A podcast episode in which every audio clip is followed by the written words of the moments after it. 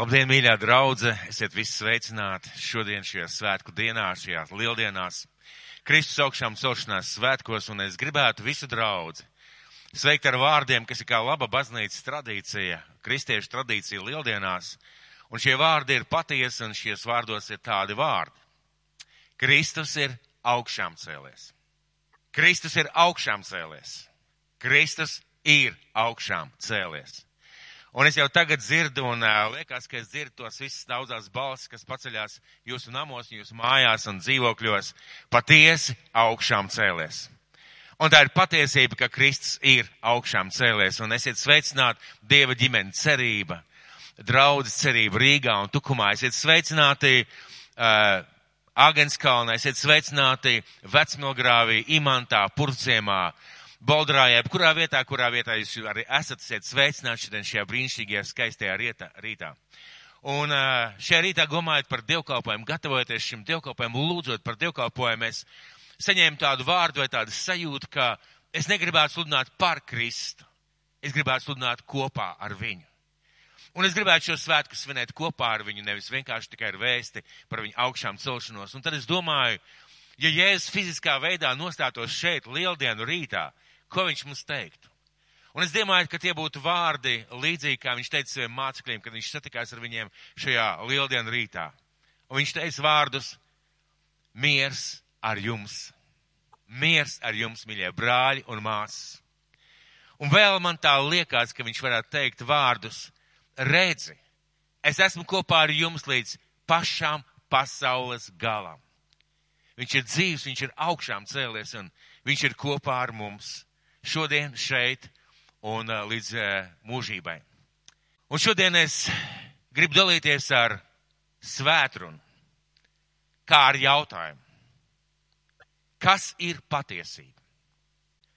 Un uh, šī svētruna būs jautājums ikvienam, kas klausās, kas dzird, kas redz, varbūt redzēs vai dzirdēs, kas ir patiesība.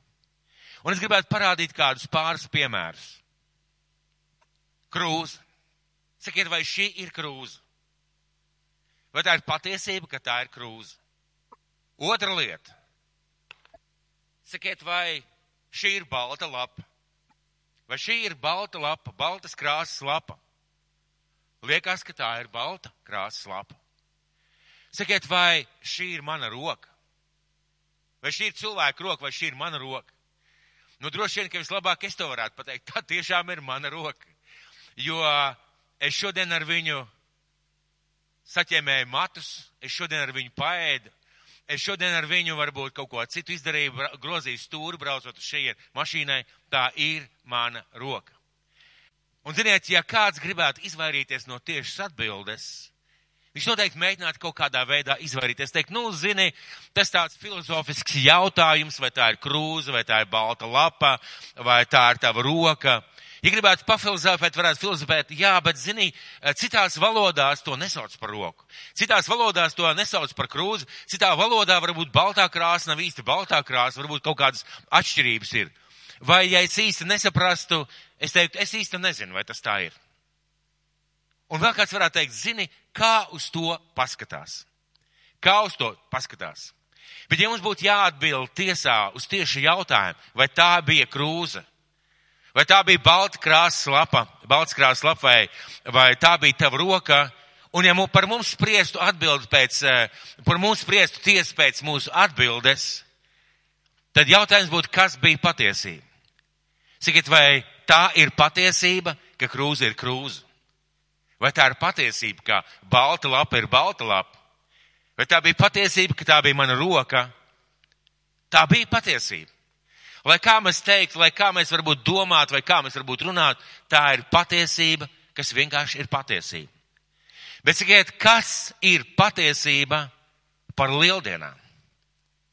Kas ir patiesība par Jēzu Kristu? Kas ir patiesība? Par lieldienām, par Jēzu Kristu. Kas ir patiesība? Un, ziniet, vairāk kā 2000 gadus atpakaļ, jeb apmēram 2000 gadus atpakaļ, pat varbūt nedaudz mazāk, bija kāda saruna, ka tika uzdots šis jautājums, kas ir patiesība?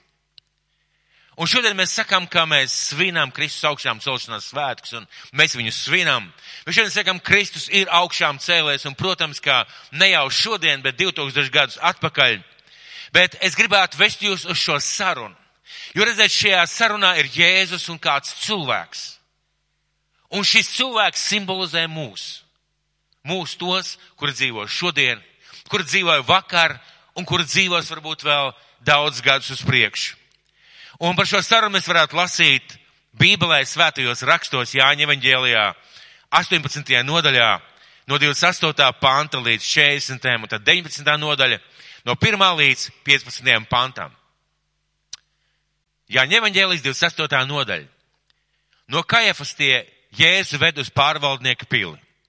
Bija agri rīts, Paši tie neiegāja pārvaldnieku pilī, lai neapgānītos, bet varētu ēst lieldienas jēru. Un runa ir par piekdienas līt, rītu, par lielās piekdienas rītu. Tad pāris dienas pirms Kristus augšām celšanās, pirms šīs svētdienas. Tad Pilāts iznāca pie tiem ārā un teica, kādu sūdzību jūs ceļat pret šo cilvēku? Tie atbildēja viņam, ja viņš nebūtu ļaundaris, mēs viņu nebūtu tev nodevuši. Tad Pilāts viņam sacīja, ņemiet jūs viņu un tiesājiet jūs viņu pēc savu likuma. Jūdi viņam sacīja, mums nav tiesību nevienu nonāvēt. Tā sāka piepildīties Jēzus vārdi, ko viņš bija teicis zīmējoties uz to, kādā nāvē viņam bija mirt. Tad Pilāts atkal izgā, iegāja savā pilī, iesauca Jēzu iekšā un sacīja viņam, vai tu esi jūdu ķēniņš? Jēzus atbildēja, vai tu to saki no sevis, vai citi tev par mani stāstījuši? Pilāts atbildēja, vai tad es esmu jūds, tava tauta un augstie priesteri man tevi nodevuši, ko tu esi darījis? Jēzus atbildēja, mana valstība nav no šīs pasaules.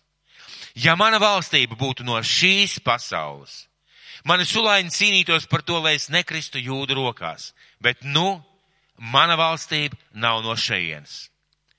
Tad Pilāts viņam sacīja, tad tu tomēr esi ķēniņš? Jēzus atbildēja, tu pareizi saki, es esmu ķēniņš.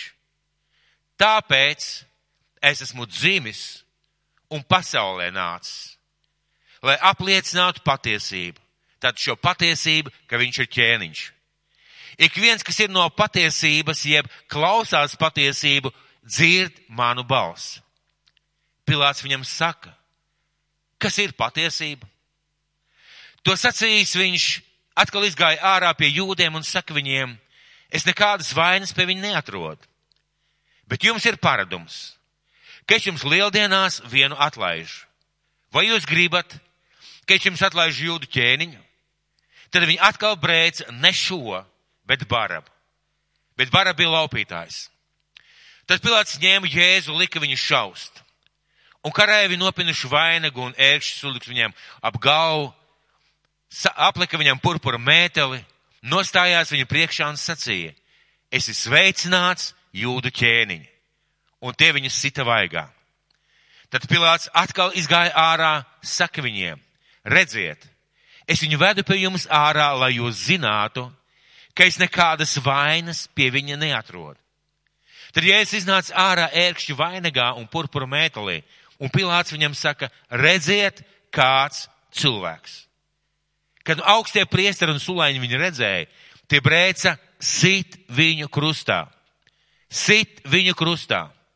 Pilāts viņiem saka, ņemiet jūs viņu un sitiet krustā, jo es pie viņa vainas neatrodu. Jūda viņam atbildēja, mums ir savs likums, un pēc šī likuma viņam ir jāmirst, jo viņš sevi darīs par dieva dēlu. Kad Pilāts šos vārdus dzirdēja, viņš vēl vairāk nobijās. Kad Pilāts šos vārdus dzirdēja, viņš vēl vairāk nobijās. Iegāja atkal savā pilī un saka Jēzum, no kurienes tu esi?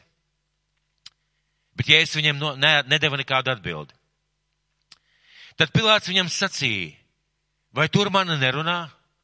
Vai tu nezini, ka man ir vara tevi atlaist un vara tevi sist krustā? Jēzus atbildēja, tev nebūtu nekādas varas pār mani. Ja tā, tev nebūtu doti no augšienes. Tāpēc tam, kas man tev nodevis, ir lielāks grēks.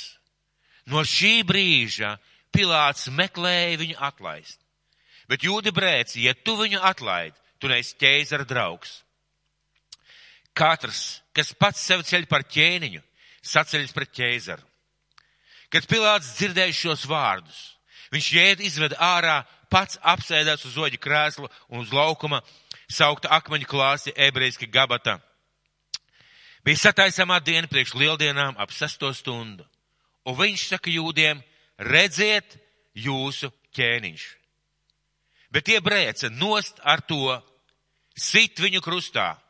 Pilāts viņam saka, vai lai es jūsu ķēniņu situ krustā? Augstie priestri atbildē, mums nav neviena ķēniņa, kā vien ķēzars. Tad viņš tiem to atdeva, lai tie viņus sistu krustā, tad tie saņēma Jēzu. Tad tie saņēma Jēzu. Šis stāsts ir ārkārtīgi interesants. Pilāts, kurš, kā jau teicu, simbolizē mūsu cilvēkus. Viņš saprot, ka Jēzus nav vainīgs.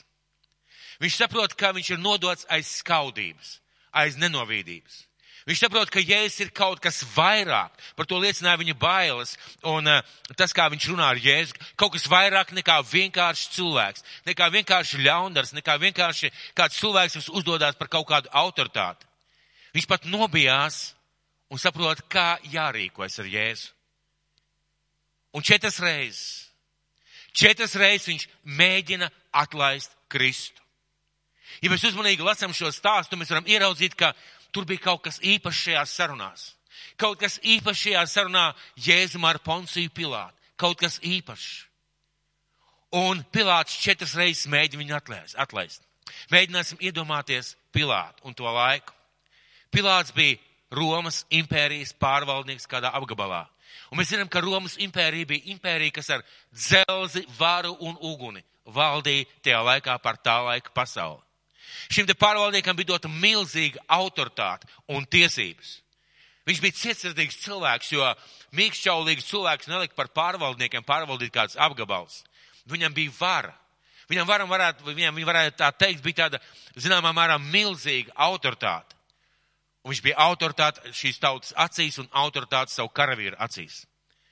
Un izskatās, ka ar visu to, kas viņam piedara, ar visu to, kas viņš ir, viņš nonāk šajā jautājumā ar Jēzu Kristu un viņš sāk locīties kā puika, viņš grib atlaist. Viņš zina, ka nav vainīgs. Viņš zina, ka vajadzētu rīkoties savādāk. Viņš mēģina to izdarīt, bet viņš nevar.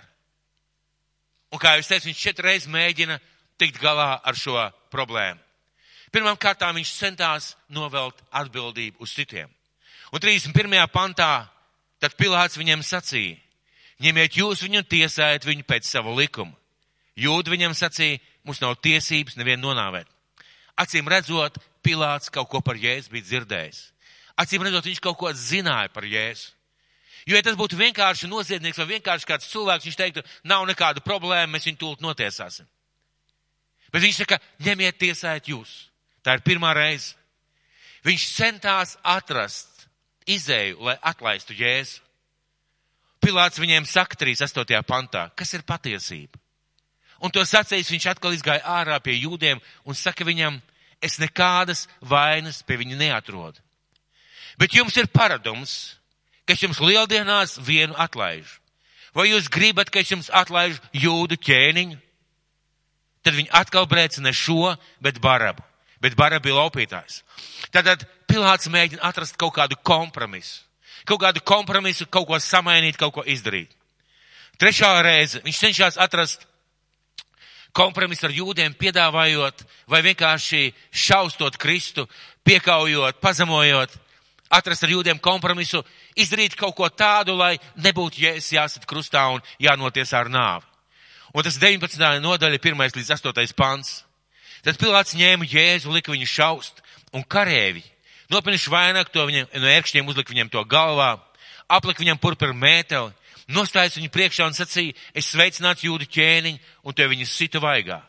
Tad Pilāts atkal izgāja ārā un saka viņiem, redziet, es viņu vedu pie jums ārā, lai jūs zinātu, ka es nekādas vainas pie viņas neatrodu. Tad Jēzus iznāca ārā ērkšķu vainagā, purpura mētelī, un Pilārs viņam saka, redziet, kāds cilvēks. Pēc Bībeles mēs saprotam, ka Jēzus bija saplosīts no tiem sitieniem un no, no tām šaustīšanām, kas bija notikušas, notikušas pār viņu. Viņš iznāk ārā šajā purpura mētelī un šie vainagā viss asinīm noplūdus un iesaka, vai jums ar to ne, un Pāvils šis pilāts saka, vai jums ar to nepietiek? Laidīsim vaļā, skatieties kāds cilvēks. Un mēs redzam, ka jūda kliedz nē, sīt viņu krustā.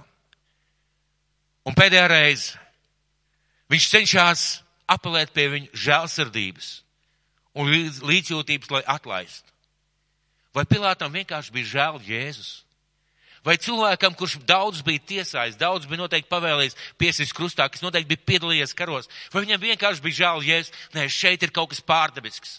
Viņš sastopās ar šo patiesību, kas ir Jēzus, un uh, viņš to neatzīst, bet ir kaut kāda sajūta, ka viņš saprot, ar ko viņam ir darīšana. Un viņš centās ap apelēt pie viņa žēlsirdības, un no 12 līdz 15 pantam. No šī brīža Pilāts meklēja viņu atlaist. Bet jūda brēc, ja tu viņu atlaidi, tu neesi ķēzara draugs. Katrs, kas pats sev ceļ par ķēniņu, saceļas par ķēzaru. Kad Pilāts dzirdēja šos vārdus, viņš Jēzu izveda ārā, pats apsēdās uz soļa krēsla, uz laukuma saukta akmeņa klāsts, ebreiska gabata. Bija sataisāmā diena priekš lieldienām, sesto stundu. Viņš saka jūdiem, redziet jūsu ķēniņš. Bet tie brēca nost, nost ar to sit viņu krustā. Pilietis viņiem, viņiem saka, vai es jūsu ķēniņu situ krustā. Viņš apelē pie viņu žēlsardības, mīlestības, pie viņu, pie viņu tautas, tā varētu teikt, identitātes. Vai lai es jūsu ķēniņu situ krustā? Augstie priestri atbildēja, mums nav neviena ķēniņa kā viņa ķēzars. Tad viņš to atdeva tiem, lai tie viņu sistu krustā. Viņš centās centās palaist vaļā Kristu. Viņš centās kaut ko izdarīt un, lūk, sastopās viņa personīgā pārliecība, viņa personīgā atbildība ar to, ko pieprasa tauta, ar to, ko pieprasa varbūt viņa autoritāte, vara un viņa amats. Ziniet, un katrs pats mēs atbildam par savu izvēli attiecībā uz Jēzu Kristu. Pilēts gribēja uzlikt šo atbildību uz kādu citu, bet viņam nācās izdarīt izvēli pašam un viņš zaudēja. Izdarot savu izvēli, kas ir Kristus, viņš zaudēja. Un Pilārs savā sarunā ar Jēzu dot ļoti, Jēzum ļoti tieši jautājumu. Uh, un saņem ļoti tieši atbildi. Tas ir šis te 36, 7, 8 pants. 37. pantā tad Pilārs viņam sacīja, tad tu tomēr esi ķēniņš. Jēzus atbildēja, tu pareizi saki, es esmu ķēniņš. Pilārs uzdod ļoti tiešu jautājumu. Un viņš saņem ļoti tiešu atbildi. Un izskatās, ka Jēzus nešaubījās par to, ka Jēzus runā patiesību. Ka viņš nav vainīgs nekādā nodarījumā. Bet tie tāpat arī izskatās, ka viņš izdzird šo patiesību, izvēlējās nepamanīt to. Nepamanīt to, ka tā ir patiesība, bet viņš izvēlējās to darīt. Traģiski, ja mēs neieraugam patiesību. Traģiski, ja mēs nesaprotam patiesību, bet vēl traģiskāk. Ja mēs saprotam, ka tā ir patiesība, bet mēs nespējam tai sekot. Mēs nespējam to pieņemt. Saprotam, bet nespējam to pieņemt. Acīm redzot, Pilārs uzskatīja, ka katra patiesība ir nosacīta. Kas ir patiesība? Te viņa vārdi. Kas ir patiesība par Jēzu Kristu? Vai tā ir patiesība, ka viņš ir Dieva dēls? Patiesība par Jēzu Kristu ir patiesība, ka viņš samaksāja par mums ar savu nāvi un cēlās augšā. Un patiesība par Jēzu Kristu ir tā, ka viņš nāks vēlreiz uz šo pasauli, lai tiesātu pasauli.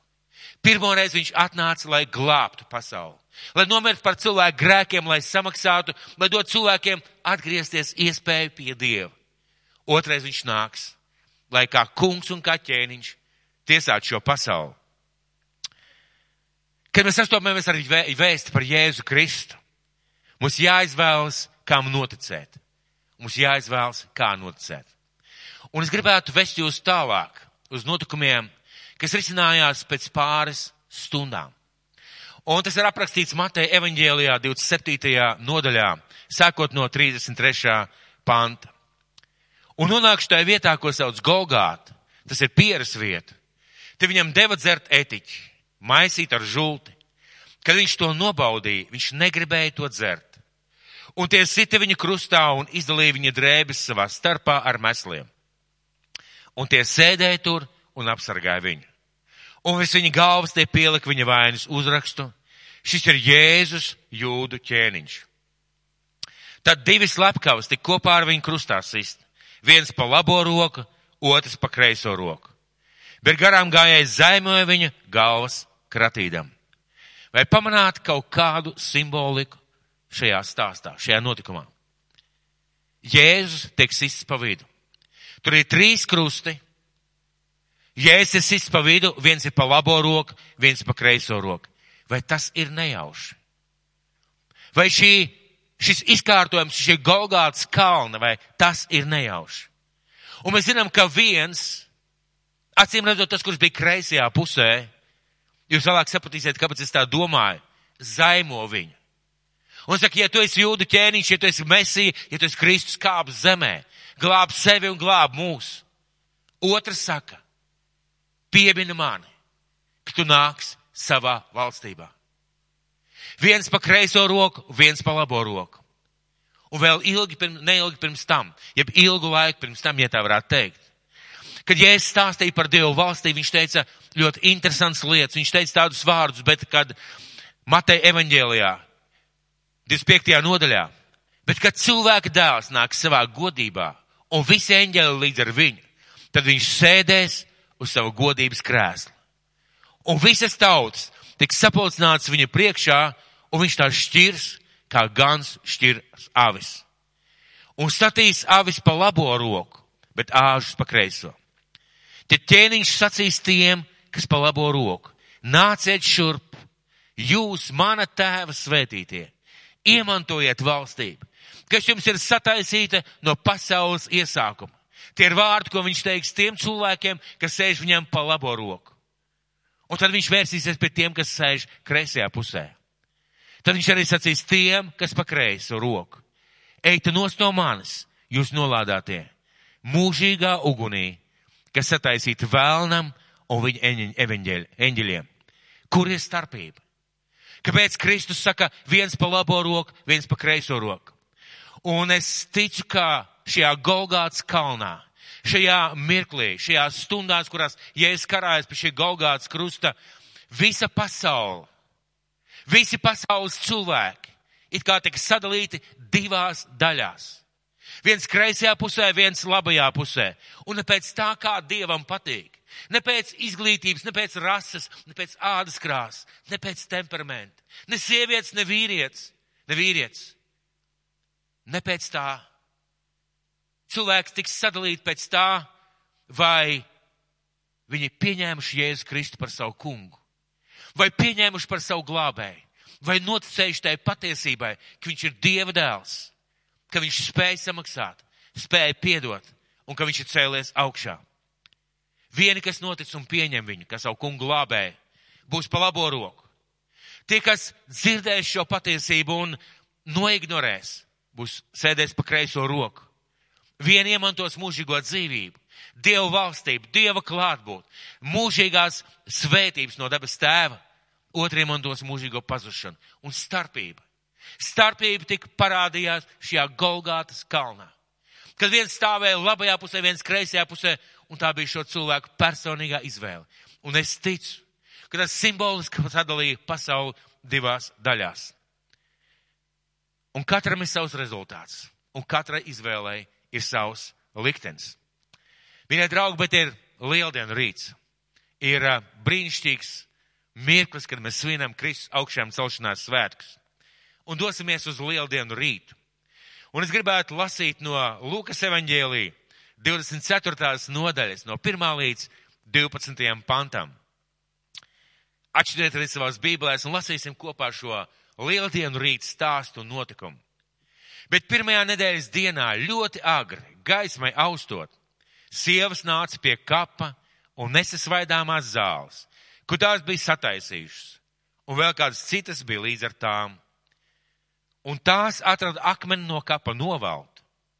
Tās gāja iekšā, un tā kunga jēzus miesas neatrada.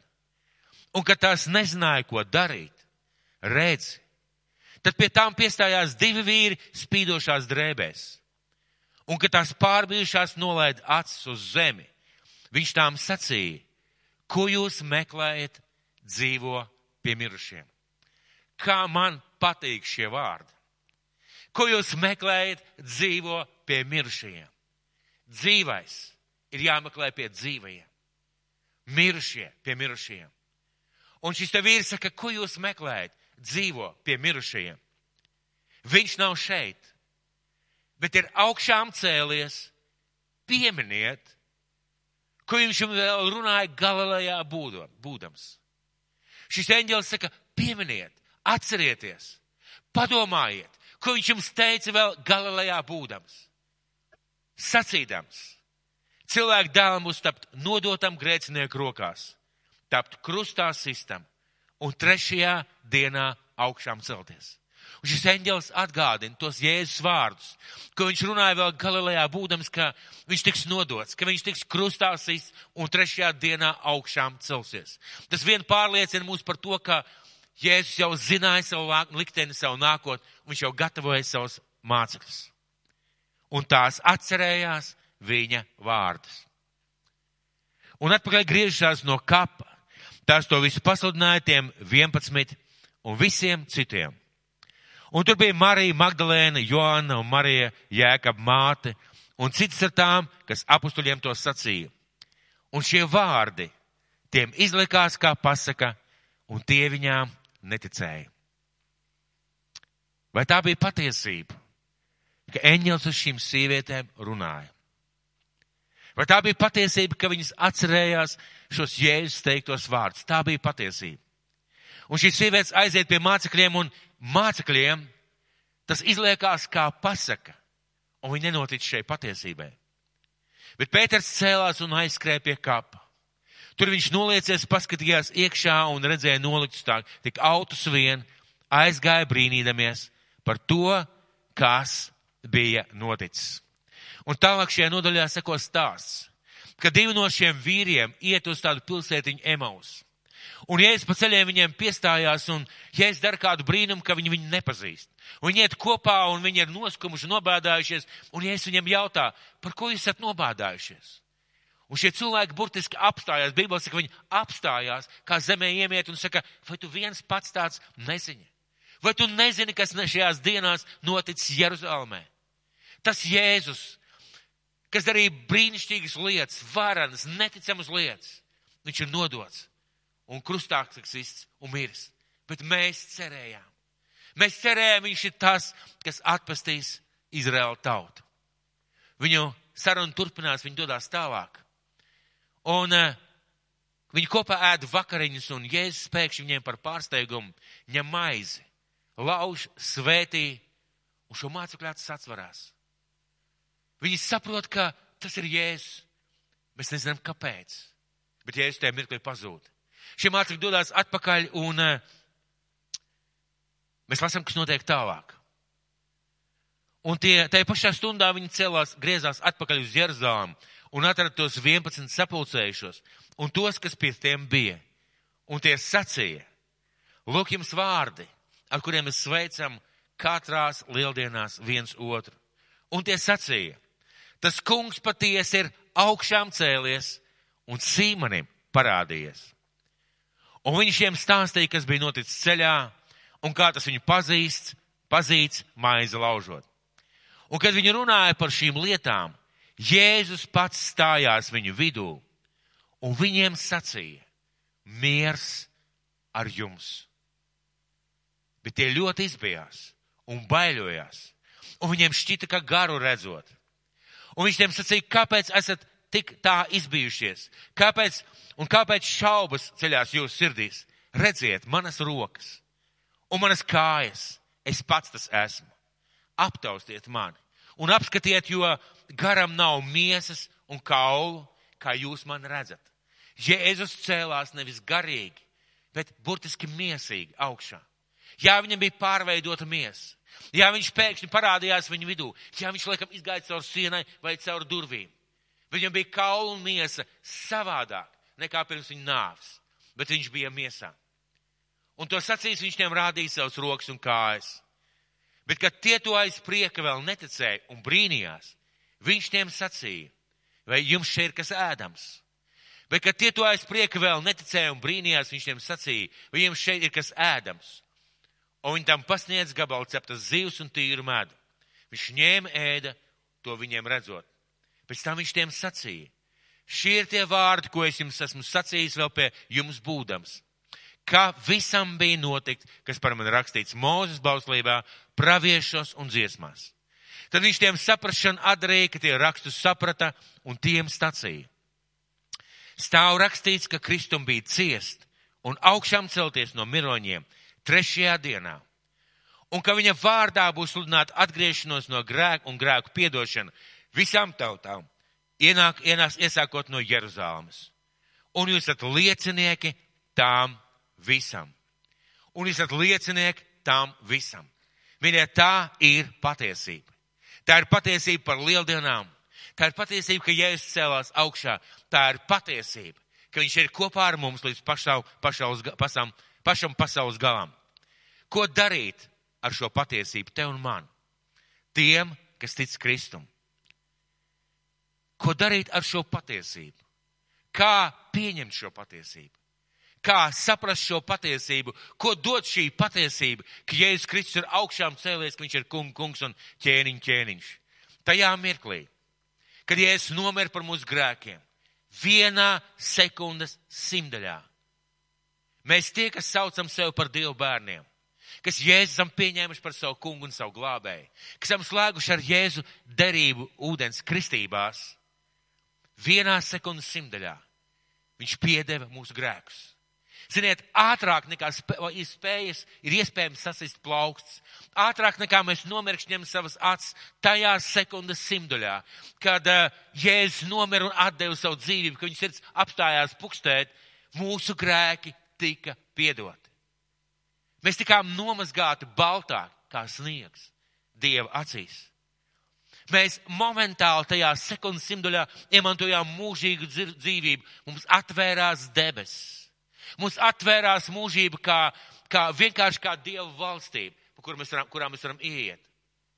Mūsu attiecības ar tēvu, kas bija sabojāts ar Ādamu grēku, pēkšņi tika atjaunotas. Mūsu sērgas, mūsu lāsti, mūsu nelaimes tika pieneglots Golgātā pie krusta šajā vienā sekundes simtaļā. Un šajā vienā sekundes simtaļā mēs ieguvām personu, kas spēja mūs dziedināt no jebkuras slimības. Un Bībele saka, ka viņa brūcēs mēs esam dziedināti. Vienā sekundes simtaļā mūsu dzīve ieguva jēgu un nozīmi. Un lai kāda būtu bijis tava iepriekšējā dzīve bez Kristus, lai cauri kam tu būtu gājis bez Kristus savā dzīvē, lai cauri kam tu šobrīd iet cauri, tavai dzīvei ir jēga un nozīme. Jo viņam ir plāns tavai dzīvei. Viņš tev mīl, un viņš tavs kungs, un viņš vēlās tavu dzīvi svētīt. Un vienā sekundes simtaļā mēs ieguvām iespēju dzīvot mierā, priekā, paļāvībā. Un tas viss spēja piepildīt mūsu sirdi. Kad cēlās augšā Kristus, tā bija kā liecība, kā liecība tam, ka visi viņa vārdi pirms tam ir absolūta patiesība. Tā ir liecība tam, ka Poncija Pilāta jautājumi, kas ir patiesība, tik atbildēti. Tā ir liecība tam, ka mēs varam ticēt katram vārdam, katrai zilbei, katram burtam, kas ir evaņģēlijā uzrakstīts par viņu nāvi, augšām celšanos un otrreizējo atnākšanu. Un vēl, mīļie draugi, vēl, mīļie draugi, vēl kādas lietas, par kurām es gribētu padalīties. Vēl, kas ir pats, pats svarīgākais. Dievs ir ar mums. Un Mateja evaņģēlijā pēdējie vārdi, ar kuriem Jēzus beidz savu sarunu ar mācekļiem, skan tā un redzi, es esmu pie jums ikdienas līdz pasaules galam. Nevis vienu dienu, Nevis svētdienā, nevis lieldienās, bet tik dienu līdz pašam pasaules galam. Viņš ir kopā ar tevi. Viņš ir kopā ar tevi. Tā ir patiesība. Pieņem to, viņš ir kopā ar tevi. Vēl kāda lieta. Mēs esam viņa aizsardzībā, mēs esam viņa apgādībā, pat grūtībās, pat pārbaudījumos. Mēs varam zināt, ka mēs kopā ar viņu esam uzvarētāji. Un pirmajā Jāņa vēstulē, 5. 5. nodaļā, 1. pantā teikts, ik viens, kas tic, ka Jēzus ir Kristus, ir no Dieva dzimis. Un ik viens, kas mīl to, kas viņu ir dzemdinājis, mīl arī to, kas no tā ir dzimis. Jo viss, kas ir dzimis no Dieva, uzvar pasauli. Un šī ir tā uzvara, kas uzvarējas pasauli - mūsu ticība. Vai tu spēji noticēt, ka tava ticība ir ticība, kas ir uzvarējusi pasauli, kas ir uzvarējusi vēlnu tavā dzīvē, kas ir uzvarējusi vēlna varu pār tavu dzīvi ar grēku. Vai tu spēj tam noticēt? Mīļie, bet tā ir patiesība. Tā ir patiesība, ka mēs esam uzvarētāji. Un pēdējais rindkopa. Kas ir pasaules uzvarētājs? Kāds teiks, nu tas, kurš ir ieguvis olimpisko medaļu sporta spēlēs. Nu kāds, kurš ir nonācis līdz prezidenta amatam. Nu kāds, kurš ir ANO galvenais cilvēks. Nē, kas ir pasaules uzvarētājs? Tikai tas, kas tic, ka Jēzus ir Dieva dēls. Mīļā, un tā ir patiesība, ka tu esi uzvarētājs. Tu vari Kristu svinēt uzvaru par katru lietu savā dzīvē, par grēku, par slimībām, par nelaimēm. Tas nenozīmē, varbūt, ka kādu lietu nebūs tavā dzīvē, bet tu esi uzvarētājs visās tajās situācijās, kurās tu esi, ja tu paliec kopā ar Kristu. Un vēl kāda ārkārtīgi svarīga lieta. Ārkārtīgi arī svarīga lieta. Mums pieder mūžība. Un ziniet, mēs ļoti daudz uztraucamies par nāvi. Mēs ļoti daudz domājam par nāvi, bet mēs tik maz domājam, pārāk maz domājam par augšām celšanos. Jo mūžīgā dzīvība nozīmē celties augšā un dzīvot ar Dievu mūžīgi. Ko tas nozīmē mūžīgā dzīvība? Un kādā reizē, kad es pavadīju laiku ar Dievu, staigāju, lūdzu, un es slavēju viņu un runāju par to, ka viņš ir mūžīgs, ka viņš valda mūžīgi, manī pēkšņi ienāca šī stiprā pārliecība, Jāni. Pat ja tu nodzīvos līdz simts gadiem, tu aizies pie debes tēva, un tu vienkārši attapsies citā realitātē. Un tad tu nodzīvosi simts gadus, un tu turpinās dzīvot.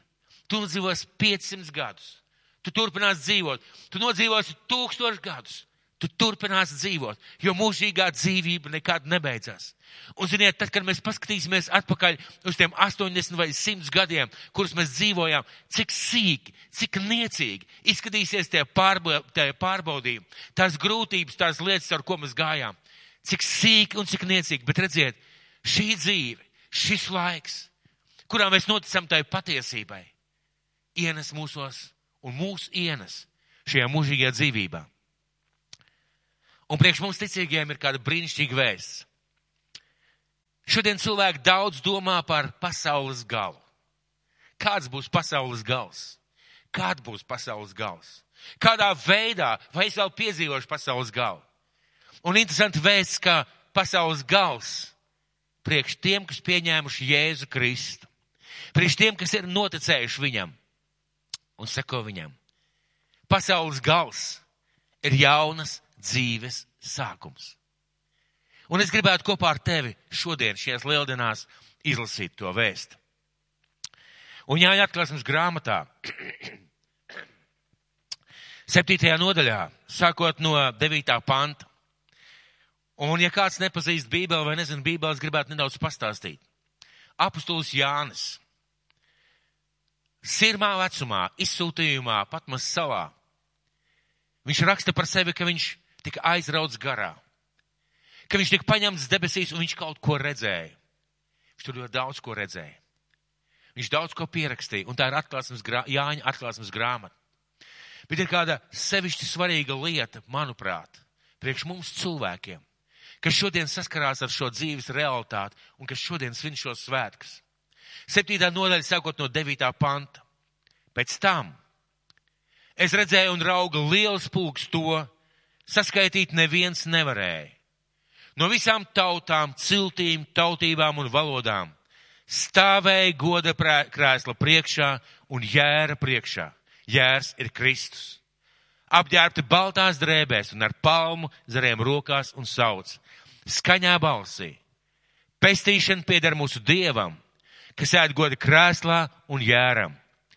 Visi eņģeļi stāvēja ap goda krēslu, ap vecajiem un dzīvajām būtnēm un metās savu vaigot krēslu priekšā lūdzu Dievu sacīdām. Tiešām teikšana, slava, gudrība un pateicība, gods, vara un spēks mūsu Dievam mūžīgi mūžos. Āmen. Tad viens no vecajiem sacīja man.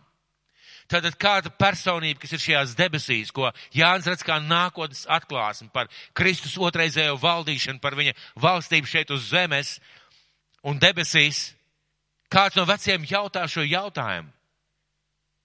Tie, kas apģērbti baltās drēbēs, kas viņi ir un no kurienes viņi nākuši? Šī persona uzdod Jānim jautājumu, kurš vēl ir uz šīs zemes, ir šajā pasaulē, kurš vēl nav, nav piedzīvojis, bet kurš staigāja kristum, noticēja, sekoja un staigāja. Un šis te eņģelis, vai tā varētu teikt, vai šis vecais uzdod jautājumu šim te Jānim, kas viņi ir, no kurienes viņi nākuši? Es viņam atbildēju, mans kungs, tu to zini. Un viņš man sacīja, šie ir tie, kas nākuši no lielām bēdām un savas drēbes mazgājuši un tās balinājuši jēra asinīs.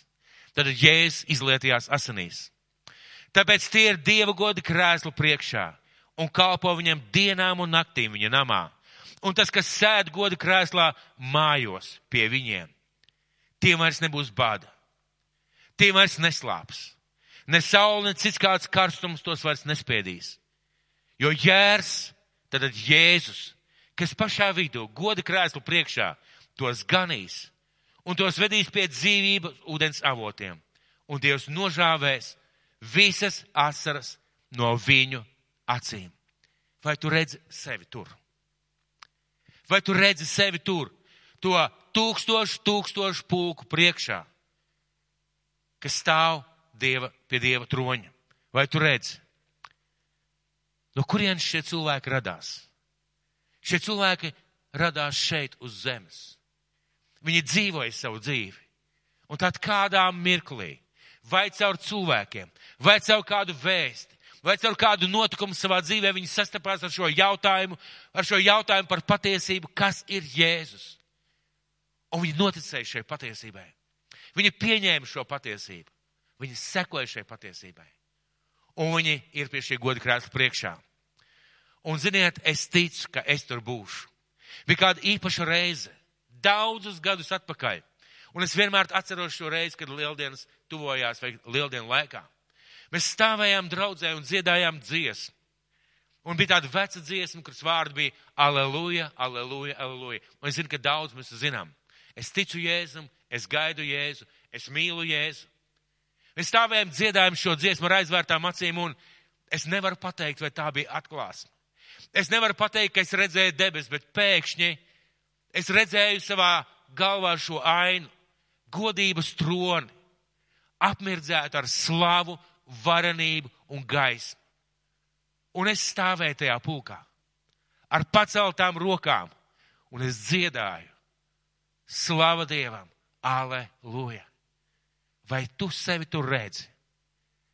Jo šī patiesība, ka Jēzus Kristus ir Dieva dēls, ir tā patiesība. Ja tu viņu pieņem, ieved tevi debesu valstībā, aizved tevi pie šī troņa, dod jaunu dzīvi un izmaina tavu likteni. Vai Dievs to darīja tikai apustuļiem? Vai Dievs to darīja tikai tiem cilvēkiem? Vai šodien kaut kas notiek ar šo patiesību.